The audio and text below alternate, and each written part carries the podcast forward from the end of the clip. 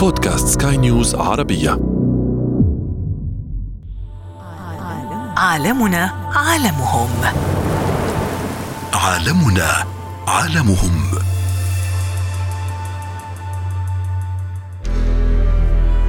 الطيور لما تقف على النخلة بيلزق في رجليها في أجنحتها الحبوب المذكرة فتذهب بعد ذلك إلى ال- النخل المؤنث فتنقل إليها حبوب اللقاح. هنا الطيور والحشرات و- واللواقح والنحل كل دي هي أرجل النباتات اللي هو مزروع في مكان ولا يستطيع الحركة ولكن ربنا بعث له من يخدم عليه وينقله من مكان إلى آخر.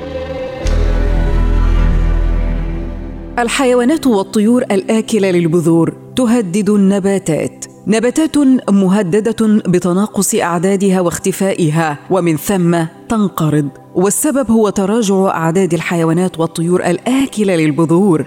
علاقة وطيدة بين الطيور والحيوانات وبين النباتات. إذا تأثر واحد منهما أثر على الآخر.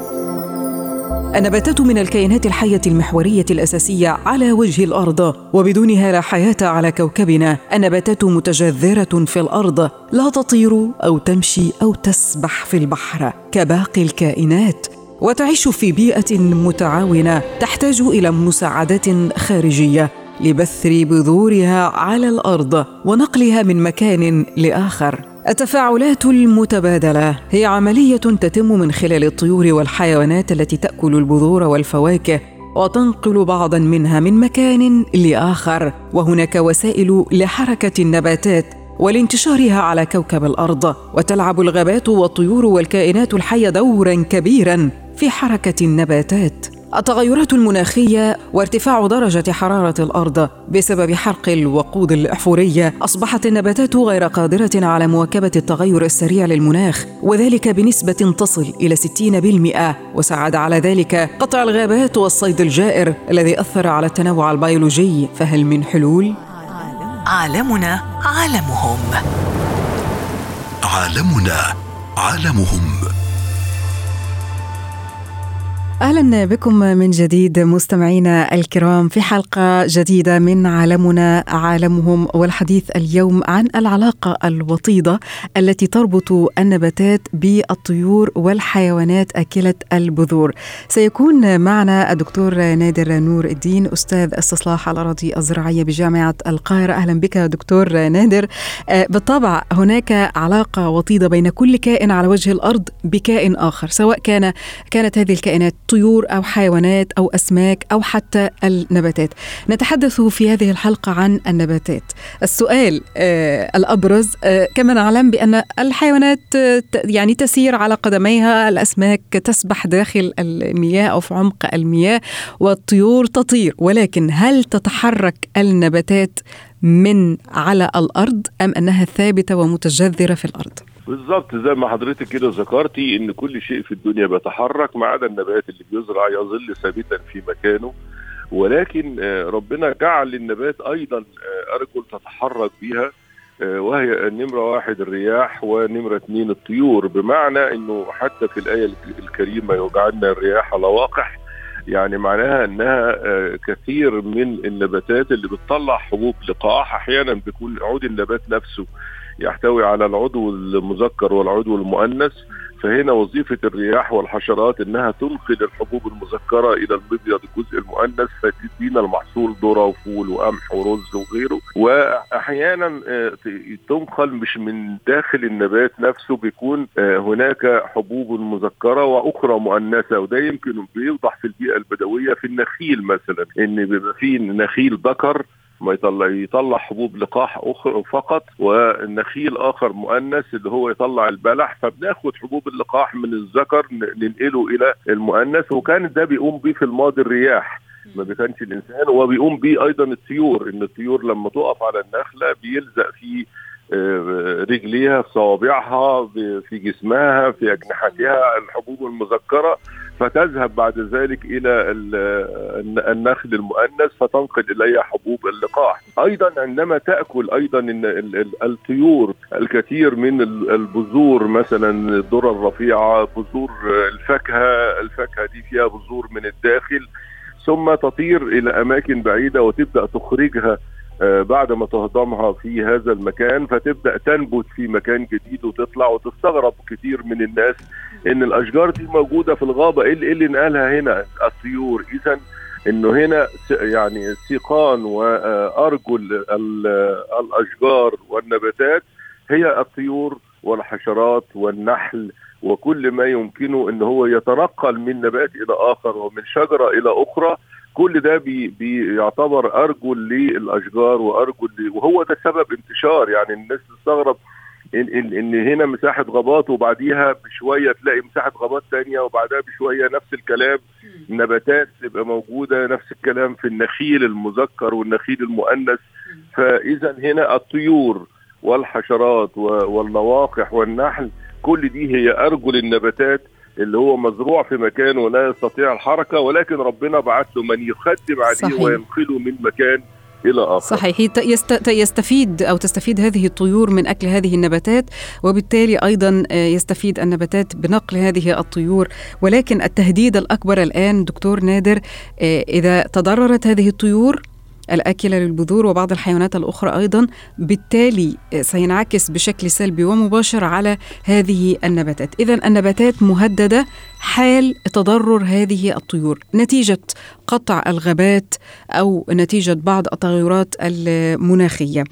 إذا تحدثنا عن يعني دور آه، الغابات وباقي الكائنات الحية على حركة هذه النباتات وعن تأثير تغيرات المناخ على هذه الحيوانات أو الطيور وبالتالي على النباتات. شوف الأمم المتحدة ممثلة في منظمة الأغذية والزراعة في روما حذرت من أنه آه، الغابات دي عبارة عن آه، تنوع حيوي أو تنوع إحيائي عريض جدا تحتوي على على حشرات تحتوي على طيور آه، تحتوي على ميكروبات آه، أغلبها من النوع المفيد زي الخمائر وغيره. آه، بيئة متكاملة بتقاوم مثلا مياه الفيضان. إذا دخلت الغابة الأشجار تعترض طريقها فتقلل من سرعتها فتخلي مهاجمتها للمدن التي ترد غابات ضعيفة ولا تدمرها. آه، وأيضا إنه آه، الغابات أيضا تمد البني آدمين بالعديد من من السلع سواء من الأخشاب اللي بتحتاجها بعض المناطق البدائية في التدفئه والإنارة. آه، وأيضا في السموغ مثلا خدمات كثيره نطلع الصمغ العربي من أشجار الغابات بطرق معينة حبوب لقاح بيبقى ليها فوائد من النحل بياخدها ثم نأخذ نحن العسل وحبوب لقاحه كغذاء. اذا إن الغابات لها فوائد جمة كثيرة بتلطف أو هي أحد رئات كوكب الأرض اللي بتمتص تلت الانبعاثات الغازية وبتمتص جزء كبير من أشعة الشمس الواصلة إلى كوكب الأرض فتجعل الحياة محتملة ولا نكون الجو شديد الحرارة مثلا زي كوكب المريخ أو زحل. فإذا هنا الغابات لها أهمية شديدة سواء من امتصاصها لتلت غازات ثاني أكسيد الكربون المنبعثة في كوكب الأرض أو احتوائها أو كأنها حاضنة للطيور والحشرات والميكروبات المفيدة أو الخدمات اللي بتعطيها للإنسان من أخشاب وسموغ وقلب ومواد غذائية بتؤكل من من هذه الأشجار. وبالتالي عندما يتم إزالة هذه الأشجار الغابات هنا الأمم المتحدة بتقول خلي بالك أنت كده مش بتدمر أشجار بس أنت بتدمر بيئة أنت بتدمر تنوع إحيائي كامل. الطيور مش هتلاقي الأشجار اللي كانت بتتغذى عليها. يعني مثلا كان في إدانة إن جمهورية الكونغو في السنوات اللي فاتت الصين شالت منها نحو 5 مليار هكتار من أشجار الغابات. كانت يعني عاملة عقد مع جمهورية الكونغو إنها تقطع الأشجار دي لتصنيع الأوراق وتصنيع امور أخرى فأدانتها الأمم المتحدة بشدة. نفس الكلام إزالة الأشجار في إندونيسيا لزراعه نخيل الزيت نفس الكلام بيحصل في ماليزيا وبيحصل أيضا في الأمازون في البرازيل. فالأمم المتحدة نبهت من خطورة آه، إزالة الغابات. اولا للحفاظ على المناخ والتقليل من تداعيات آه، تغير المناخ وغاز ثاني أكسيد الكربون. ثانيا الحفاظ على البيئة والحفاظ على الطيور والحشرات بكل أنواعها والتوازن البيئي اللي موجود داخلها. يعني حيوانات بتأكل حيوانات.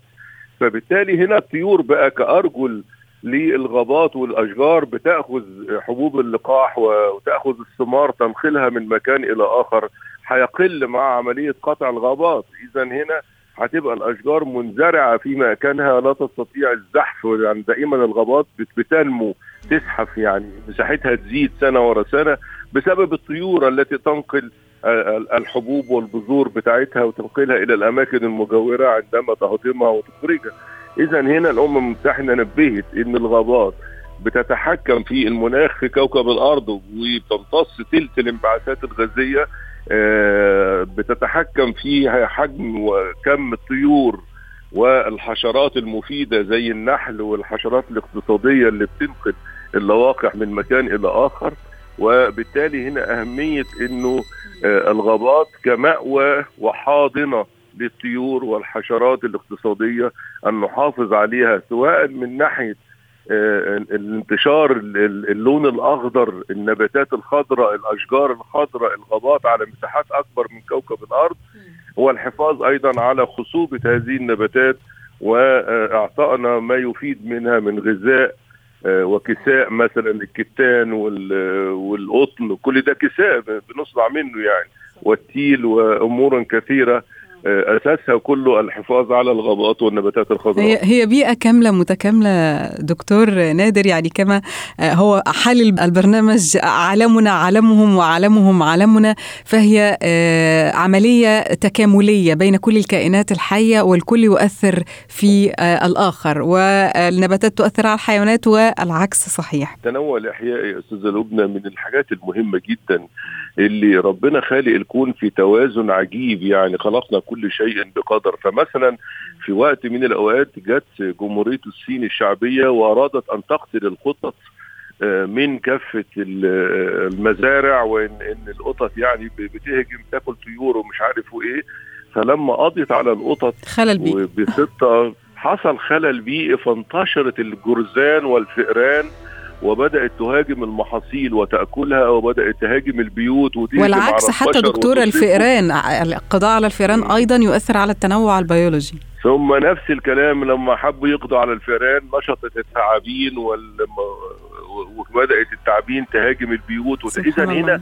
التنوع والتوازن الإحيائي مهم سواء كان داخل الغابات أو داخل المزارع. إنه ربنا عامل إنه كل جنس له ما, ما يأكله وما هو يأكل جنس آخر فتعيش صحيح. التوازن حتى دائما. الحشرة الصغيرة دكتور حشرات دقيقة بالضبط. للغاية لها دور حتى- فاعل في حتى البيئة. الديدان. يعني الديدان الأرض لها فوائد سواء في صيد السمك أو في عمل أنفاق في التربة تعمل تهوية للجذور تتنفس منها. صحيح. فكل حاجة بتخدم على حاجة تانية. فمن هنا كان الحفاظ على الغابات هو حفاظ على تنوع احيائي اولا. ثم حفاظ على غذائنا ثم حفاظ على رئتنا في التنفس بغاز نظيف يحتوي على الأكسجين ويقلل من ثاني أكسيد الكربون. ناخد منها الصمغ العربي ده بيخش في صناعة المياه الغازية مثلا منتجات كتيرة جدا الصمغ العربي بيدخل فيها. فبالتالي التنوع الاحيائي الاحيائي والحفاظ على الغابات من أولى أولويات الإنسان في صحيح. عصر تغيرات المناخ. دكتور وضحت الصورة تماما. نشكرك جزيل الشكر دكتور نادر نور الدين أستاذ استصلاح الأراضي الزراعية بجامعة القاهرة. نشكرك جزيل الشكر. أهلا وسهلا. عالمنا عالمهم. عالمنا عالمهم.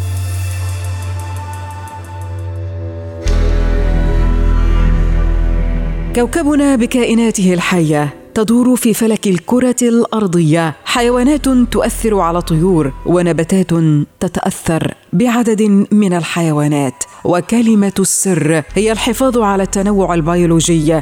من تداعيات تغيرات بيئية ومناخية بيد الإنسان وبفعل الطبيعة. توقف الحرب على الطبيعة لنحمي كوكبنا. ننتظر منكم متابعينا. مشاركات عن حلول لحماية النباتات وبذورها. من تناقص أعدادها لحماية النباتات. كان معكم في هذه الحلقة في الإعداد والتقديم لبنى الخولي وفي الإخراج إيدي طبيب. انتظرونا في عالمهم. عالمنا. عالمنا. عالمهم. عالمنا عالمهم.